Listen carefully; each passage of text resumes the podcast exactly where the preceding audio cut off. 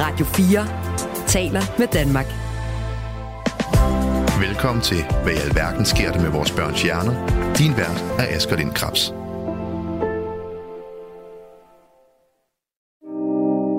I to år har du ikke været på arbejde, og din datter har ikke været i skole. Hvordan har I det i dag? Ja, det er jo en meget, øh, det er et meget anderledes liv, end jeg havde forestillet mig, det må jeg sige. Øh, jeg tror, man skal forstå den der belastning, hun har, at det er, så, altså det er stress gange 100. Forstår du, hvordan hun kunne blive så stresset? Nej, Nej. det gør jeg simpelthen ikke. Det, det, nej. Altså, altså jeg, jeg ved, jo, jeg ved godt med mit hoved, hvad det er, der er sket. Jeg ved godt, at hun, øh, at hun øh, har været i de forkerte rammer i ja, hele hendes liv. Det er jeg godt klar over.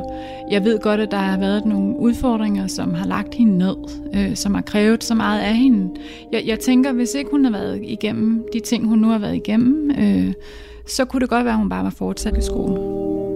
Ja. Men, øh, men om jeg, altså, men jeg, jeg, jeg, jeg, jeg prøver at forstå det jo, ja, og lande i det. Men, men det er så voldsomt. Mit håb er, at hun kan komme i skole igen til næste forår. Udfordringen ligger lidt i, at min datter har så mange øh, traumer, øh, tænker jeg, fra skolegang, så hun vil ikke i skole. At det, altså, så hun skal omvendes. Og samtidig siger du, at hun vil gerne i skole. Nej, hun vil gerne lære. Hun vil gerne Hun vil lære. rigtig gerne lære og have viden, men det vil hun helst derhjemme. Hver dag går mere end 15.000 forældre hjemme for at passe deres syge børn. Et antal, der er vokset kraftigt de seneste år. Der findes ikke en entydig statistik, som viser, hvor mange børn, der har bekymrende langvarigt skolefravær. Men der er en række undersøgelser, som tyder på, at skoleværing er et stort og stigende problem. Børns Vilkår lavede i 2020 en undersøgelse, der viste, at 14 procent af danske skoleelever har over 20 dages fravær om året. I 2018 svarede 60 procent af 500 adspurgte PPR-psykologer, at de oplevede, at skoleværing var i stigning. Især blandt børn med autisme ser skoleværing ud til at være omfattende. Et norsk studie fra 2017 viste, at lidt over 40 procent af børn med autisme udviser skoleværingsadfærd i den almene folkeskole. Jeg har inviteret psykolog Kirsten Kallesen til en snak om, hvorfor et stigende antal børn ikke kan klare at gå i skole. Men jeg begynder i Køge hos Pernille. Ja. Pernille, tusind tak, fordi vi måtte komme her til Køge og besøge dig. Og vi skal jo tale lidt om din datter Astrid, som i dag er 14 år gammel. Men jeg synes, vi skal starte med lige at skrue tiden 6 år tilbage, 5-6 år tilbage, og høre, hvordan havde Astrid det dengang, og hvad for et liv levede hun? Jamen Astrid, hun har levet et helt almindeligt pigeliv, øh, faktisk indtil sit 12. år, øh, hvor at hun gik i almindelig folkeskole, og hun havde fritidsaktiviteter, hun har gået til dans og fodbold, og haft veninder, øh, legekammerater, ja. Mm. Hvad lavede du? Jamen, jeg gik jo på arbejde ligesom øh, alle andre. Jeg havde et, eller dengang der arbejdede jeg i, et, øh, i medicoindustrien, og jeg var ude at rejse, og ja, altså nu har vi boet alene. Jeg bor alene med mine to døtre, ikke? og det har vi gjort i 10 år. Men hvis du alligevel tænker tilbage, var der så noget, hvor du tænkte, at hun skilte sig ud fra andre børn? Mm, altså, jeg, jeg, jeg har i mange, mange år haft den her fornemmelse af, at, øh, at der var et eller andet i hende, jeg ikke så. Øhm, øhm, men, øhm, men hvad det lige har drejet sig om. Men jeg har, jeg, har, jeg har længe, altså jeg har følt, at hun ligesom, der var noget, hun manglede i sit liv. Hvad Øh, eller du noget, det? Det forstår jeg øh, ikke helt. Ja, nej, altså, men der, der var bare, altså det var ligesom om, at jeg ikke så hende helt, som hun var. Hvis det giver mening. Altså, jeg, jeg kan ikke rigtig forklare det bedre. Det er nok sådan en intuitiv følelse. Min datter har været igennem nogle, nogle svære ting i sit lille korte liv, så øh, Hvad er det? både øh, ja, skilsmissen mellem hendes far og jeg, og så jeg har været igennem et cancerforløb. Øh, så ja. Og hvad var det så, der skete der? Jamen, så blev hun bare gradvist mere stresset. Øhm, altså, hun, øh, hun, øh, hun, hendes pytknap blev endnu øh, øh, sværere, eller altså hun havde op i skolen, hun, altså hvis der var nogen, der kom til ved et uheld at bombe ind i hende, eller hun, der var nogen, der kom til at røre ved hendes blyant eller noget, altså hun havde, hun havde det svært. Ja, hun var ked af det. Øhm, og stresset, altså som vi blev enige om, at hun nok var stresset. Altså, ja. det jo, ja, så... Øhm, og så er det, vi har nogle år, hvor jeg tror egentlig, at det er okay. Jeg er godt klar over, at hun, øh, at hun er lidt udfordret på nogle ting op i skolen. Øh, mest socialt egentlig, og øh, ja, ikke fagligt, men mest socialt. Astrid blev gradvist mere indesluttet. Hun kunne ikke overskue at se sine venner og begyndte at spise mindre. Ja, hun har ikke lyst til, altså hun er træt, når hun kommer hjem fra skole, hun går op på sit værelse, og der begynder jeg så at blive bekymret. Øhm, og tænker, at det, det er unaturligt for hende. Altså hun har ikke lyst til, til nogen ting, og hun, øh, øh, hun trives ikke i skolen øh, så godt mere. Hun har hvor, ikke lyst til at gå i skole heller. Øh. Hvor gammel er hun på det her tidspunkt? Ja, der er hun 12. Okay. 11-12 år. Ja. ja. Der er flere og flere dage, hvor der ikke kan få hende afsted. Hun spiser mindre og mindre. Og jeg bliver mere og mere stresset. Øhm, og til sidst er jeg nødt til at sygemelde mig. Ja. Øhm, jeg er solo forsørger og solo alting. Øhm, så så jeg bliver selvfølgelig bekymret for hende, og jeg, jeg kan simpelthen ikke passe mit arbejde, fordi jeg, bliver, jeg har så mange bekymringstanker. Ja, så, så jeg bliver enig med min øh, arbejdsgiver om, at jeg, at jeg bliver sygemeldt i en periode. Og jeg, jeg tænker så, at det var ikke længe, så er, vi, så er vi på banen igen. Jeg, kan, jeg forstår slet ikke omfanget, tror jeg ikke. Så nu er det snart to år, ikke, og hun ikke har været i skole. Ja. Så ja, og det, det havde jeg slet ikke forudset, altså overhovedet. Det, og hvad, hvad gør du så? Jeg bliver jo bange for, at hun har udviklet en, en spiseforstyrrelse. Og så tænker jeg, at, altså, at vi må have vores læge på banen, og det kommer hun så, og vi bliver heldigvis hurtigt henvist til børnesyg. Øh, og der går I til noget udredning, noget behandling? Det er jo ikke det, hvad? vi starter med. Nej, altså, vi starter med at komme derop, fordi at Astrid har en anoreksi. Øhm, og, øhm, men de finder jo ud af, tror jeg, efter første møde med hende, at det er nok noget andet, det handler om. Øhm, så, øhm, ja, så jeg bliver sendt hjem med besked om, at hun skal tage x antal kilo på, øh, før de egentlig også kan hjælpe hende. Og det er den måde, man behandler øh, anoreksi på. Men men så næste gang vi kommer derop, så mødes vi så med psykiateren, og hun siger så, jamen Pernille, vi vil egentlig gerne udrede Astrid for øh, autisme. Vi tror, hun er Asperger. Øhm, og det er fordi, at den måde, hendes spiseforstyrrelse er på, hun, øh, hun, altså jeg kan rimelig hurtigt egentlig vende det og lokke hende med på McDonald's. Og, så, så det er en atypisk spiseforstyrrelse, hun har.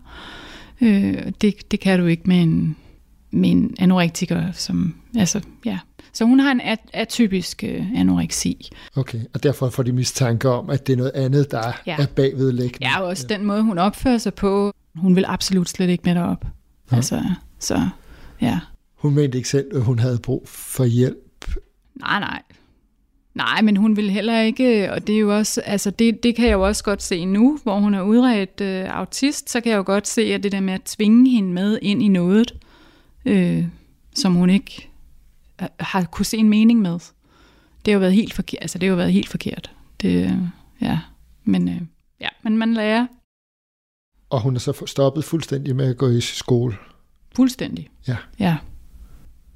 Ja, ja, fordi der, altså, det handlede jo om, at hun skulle, hun skulle spise mad.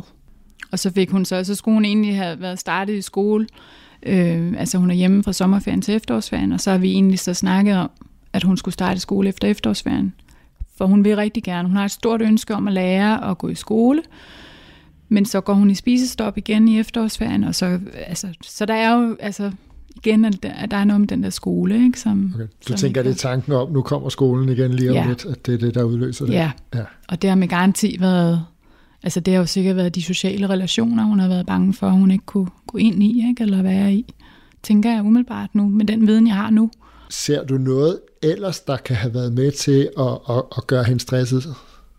Ja, det gør jeg da. Ja, altså jeg tænker da, at øh, de institutioner, vi har i Danmark, altså lige fra vuggestue, børnehave, skole, hvordan man skal passe ind i, i, i sådan en boks. Øh, Øh, de bliver øh, sprogtestet fra de helt små, og de bliver observeret på, hvordan de leger, og øh, hele tiden så skal man så skal så skal det være lidt på en bestemt måde. Der er ikke rigtig plads til at være sig selv.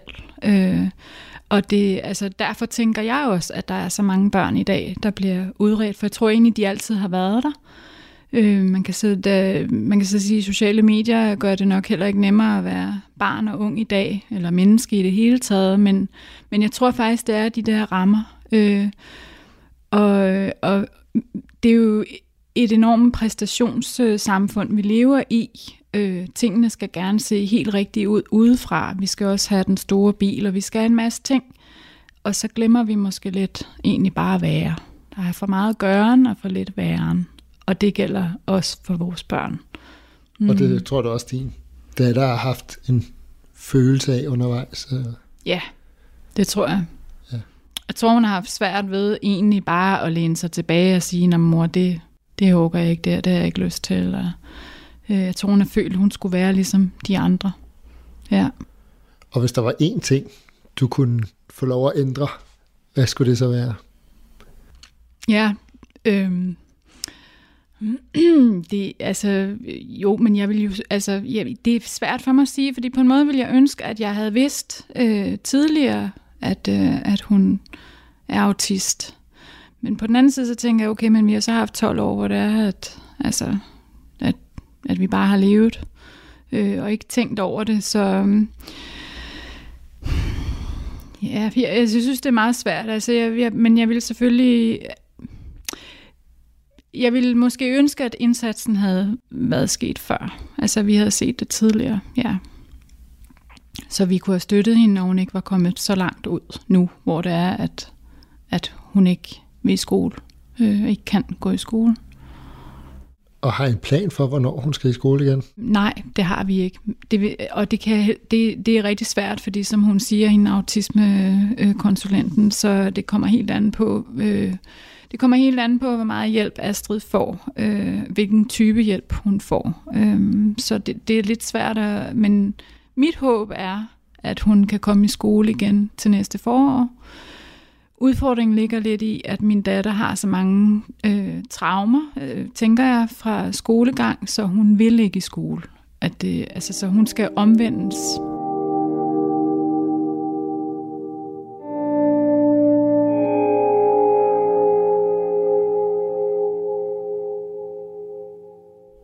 Og I har så gået hjemme i to år. Hvordan ser jeres hverdag ud i dag? Ja. Skal den?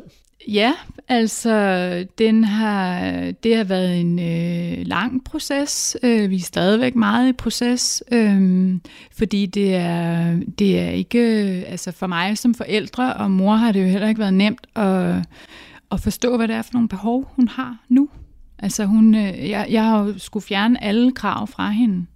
Men at komme fra en pige, der øh, har kun alt, og hun har altid været rimelig fremmelig, altså, øh, og, og har kunne lave mad, og kunne, altså hun har virkelig taget sig godt af sig selv, så, øh, og så til at, at have en pige, som ikke kan noget, så jeg har jo, altså, ja, så, hvad, så, hvad mener du med, at du har fjernet alle krav fra hende? Jamen, det betyder, at jeg forventer, altså jeg har egentlig ikke nogen forventninger af hende. Altså lige nu øh, er hun et sted, hvor det er, at, øh, at jeg er nødt til at hjælpe hende med at, at oplade hendes telefon. Altså hun, hun rører ikke ved opladeren. Så, så det er jo, altså, og det var jo et krav, jeg ville sige før. Øh, ligesom, det, det kan du selv gøre. Altså, come on. Du er 13 år gammel, ikke? 14 år gammel. Det kan, du, det kan du da godt selv gøre. Men det kan hun ikke. Så hverdagen lige nu er, at øh, hun... Øh, hun står op om morgenen, og så har hun et pænt langt øh, morgenrituale ude på, på badeværelset, og hun vasker og lægger make op og hvad hun ellers gør. Og så, øh, så kommer hun ned til mig i stuen, og, og så ser hun film, eller ja, på sin telefon, eller på fjernsynet, eller, og, så, og så en gang imellem, så laver vi noget sammen. Men, det, men det, lige nu er det, er det ikke så meget. Ser hun andre mennesker? Nej, det gør hun ikke. Kun dig og storesøster? Ja, så vores familie, ikke? Ja. Og hendes far, og ja. Ingen venner? Ingen venner, nej. Nej, hun ser ikke nogen på sin egen alder. Altså vennerne har jo ragt ud efter hende i starten, da hun var væk. Men hun kunne ikke overskue det. Og, og så efterhånden er de jo glædet, glædet væk, ikke? Og så, ja, så, så lige nu, jeg tror simpelthen ikke, at hun kan overskue det. Øhm, så bare det, hun står op om morgenen og, og, og laver de der morgenritualer, det er jo også en kæmpe ting for hende. Øh, hun har jo alle mulige steps, hun skal igennem. Og ja, Og hvordan som mor, der har man jo også, når man får et barn, en masse forestillinger om, hvilket øh, liv de skal leve, og de ting, de skal gøre. Du må også undervejs have skruet meget på Ja. mange af de forventningsknapper der. Ja, det har jeg også. Og øh, det er selvfølgelig en kæmpe sorg at have et barn, der har det så svært. Altså det, det, det er der ikke... Øh, nu har jeg selv været igennem nogle ting, som har været svære, men det her, det slår alt mm, by far. Hvordan har I det i dag? Ja, det er jo en meget... Øh, det er et meget anderledes liv, end jeg havde forestillet mig, det må jeg sige. Øh, øh, nu er jeg sådan indstillet, at vi bliver nødt til at prøve at få det bedste ud af det. Øh, og, øh, og så jeg prøver, for mit vedkommende prøver jeg at finde en mening øh, i det her. Det er blandt andet også derfor, jeg sidder her. Øh, jeg tror, at Astrid, hun... Øh, hun trives egentlig okay med at være hjemme. Hun er, altså, hun er, hun er rigtig ked af, at hun ikke kan overskue mere skolearbejde. Hun er rigtig bekymret for sin fremtid. Øhm, hvad kunne du ønske dig for Astrid sådan fremadrettet? Hvad, har, du lavet nogle nye drømme, håb, forestillinger? jeg tror på, at Astrid får et, øh, et godt liv. Øh, hun har så meget at byde ind med. Øh, og, og ja, der vil være nogle ting for hende, der bliver anderledes. Den dag, hun accepterer det, at det også er okay at være hende med de behov, hun har, så skal det nok gå. Ja. Og hun skal nok, øh, altså hendes hovedfejler absolut intet. Så det skal nok, det skal nok gå. Ja. Ja. Mm. Du lytter til, hvad i alverden sker der med vores børns hjerner på Radio 4.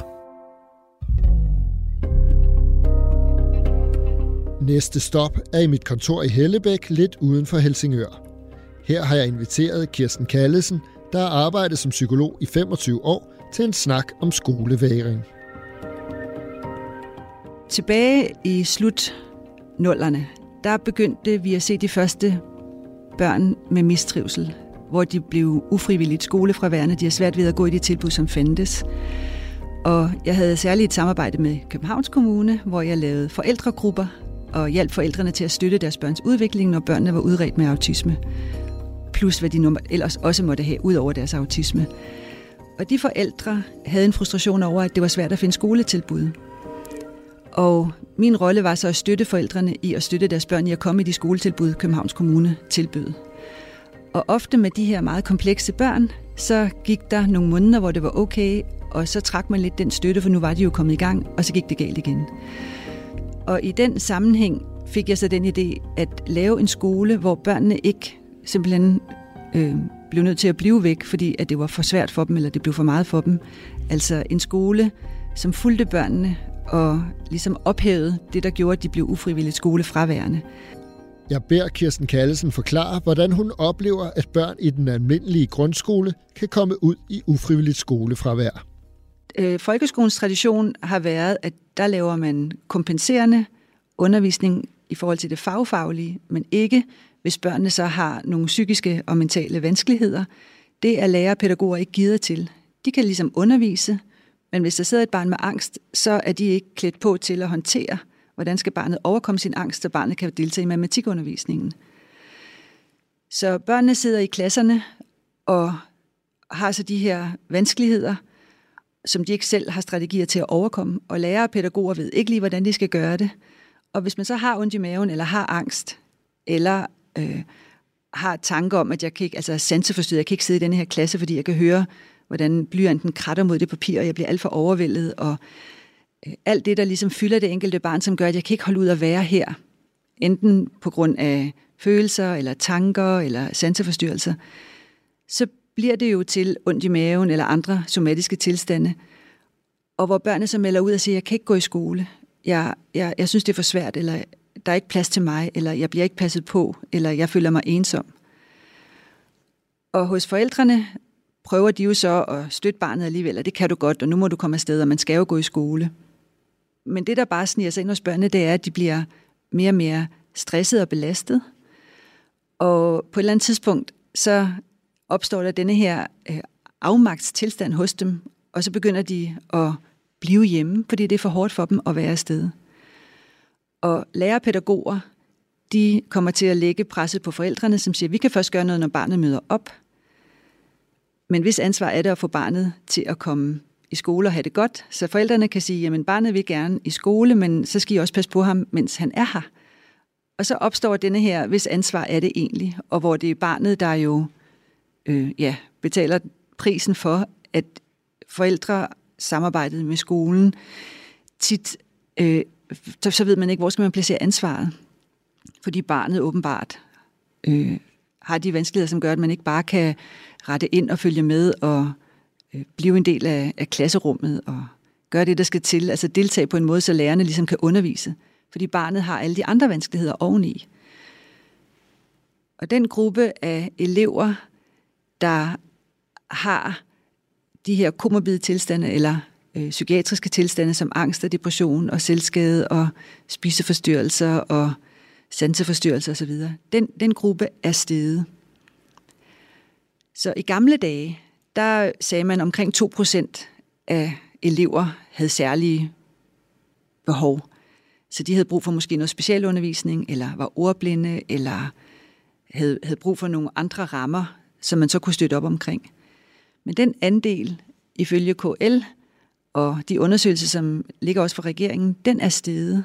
Så nu taler man omkring 15-18 procent af børn i folkeskolen har særlige behov, og hvor man skal gøre noget særligt for dem. Og på en måde så har skolevæsenet ikke rigtig fulgt med. Og det kendetegner jo også ved, at der er så mange børn, som nu har svært ved at møde op, øh, som er skoleværende, eller det vi kalder det for tiden øh, ufrivilligt skolefraværende, uden at skoleledere eller lærerne og pædagogerne rigtig ved, hvad skal de egentlig gøre ved det? Så denne her frustration eller øh, manglende strategier er opstået måske inden for de sidste 4-5 år. Kirsten Kallesen begynder at interessere sig for, hvorfor børn med autisme i stigende grad bliver ramt af angst og depression i skolealderen. Det, som jeg begyndte at undre mig over, det var, når jeg kiggede på børn, som blev udredt med autisme senere, hvad har de så været igennem af summen af de ting, som de har stået med? Og hvis man har autisme, så har man også ofte et sansesystem, som fungerer lidt anderledes. Det vil sige, at man kan blive overvældet af lyd, eller lugte, eller ting, man skal spise, som man reagerer i forhold til. Og jeg tænker på alle de her små mikro overgreb, som måske børn med et autistisk styresystem oplever i hverdagen, som man ikke tænker over, og som de ikke har sprog for, og som de ikke aner faktisk er noget, de kunne sige fra i forhold til, fordi at øh, der ikke er nogen os, af os omkring dem, som egentlig tænkte, måske er det her for meget for de her børn. Og jeg tror, at mange børn med autisme oplever sig traumatiseret af hverdagslivet – hvor de ting, som de bliver udsat for, er små ting for os andre, men for et autistisk styresystem er det voldsomt. Det, det kan være brandalarmer, eller det kan være en hund, der gør, eller voksne, der taler hårdt, eller det kan være alle mulige ting. Og hvor det ikke er så meget den ene gang, eller måske den næste gang, men når det er summen af det, som kan overvælde børnene, så bliver det til det fænomen, som opstår som en form for traumetilstand. Man taler i dag om, og det er de nye diagnosekriterier, som, som har fået en ny diagnose med, hvor man kalder det for kompleks PTSD, hvor man siger summen af mange små øh, ting, hvor man føler sig fastlåst, eller hvor man bliver overvældet, skaber denne her PTSD-tilstand, hvor man kan blive reaktiveret. Apropos drengen, når, når han hører, at nu skal han starte i en ny skole, så kan han huske alle de gange, hvor der er blevet nævnt for ham, at nu skal han gå i skole. Han kommer i tanke om de gange, han er blevet mobbet eller følt sig udenfor. Altså summen af alle de ting, som børn med anderledes styresystemer kan blive overvældet over, tror jeg, skaber belastningsreaktioner hos børnene. Og samtidig så har vi tilbage i 2011, 12, 13 både lavet en skolereform, hvor børnene skal være i skole i langt flere timer, og en inklusionsreform, hvor man har ønsket, at børn med særlige behov skal gå i de almene folkeskoler, hvad der har vist sig at være en øh, altså kæmpe fadese, fordi det er jo ikke lykkedes at få de her børn i trivsel i de almene miljøer. Og, og fordi autisme jo giver sig udtryk i det kommunikative og i det sociale og i sanseforstyrrelser, og måske det at øh, have, have en tendens til at trække sig, når de bliver overvældet, så virker børnene mere autistiske. Men det jeg tror, deres adfærd kommer fra, det er en stresstilstand, som de børn uden autisme også viser. Det viser sig også hos børn uden autisme en stresstilstand i form af mistrivsel, og så får udtryk, bliver udtrykket bare angst eller stress, eller at, ja, at de trækker sig. Så jeg tror, at det vi kalder stress understøtter det, den autistiske adfærd.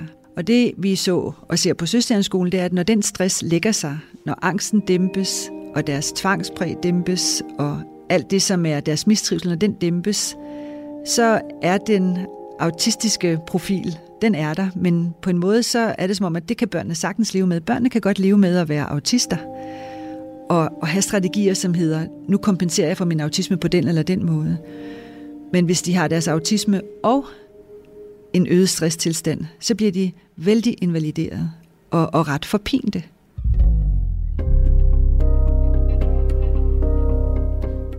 Kirsten Kallesen har en hypotese om, at børn, både med og uden autisme, allerede i vuggestuealderen kan blive stresset i en grad, som påvirker deres trivsel på længere sigt, og i nogle tilfælde skubber dem helt ud i ufrivilligt skolefravær og social isolation. Jeg sætter mig for at undersøge, hvilken forskning der er lavet om daginstitutioners betydning for vores børns mentale helbred på kort og lang sigt. Lyt med i næste afsnit. Denne serie er produceret af Rasmus Benson og mig, Asger Lindkrabs.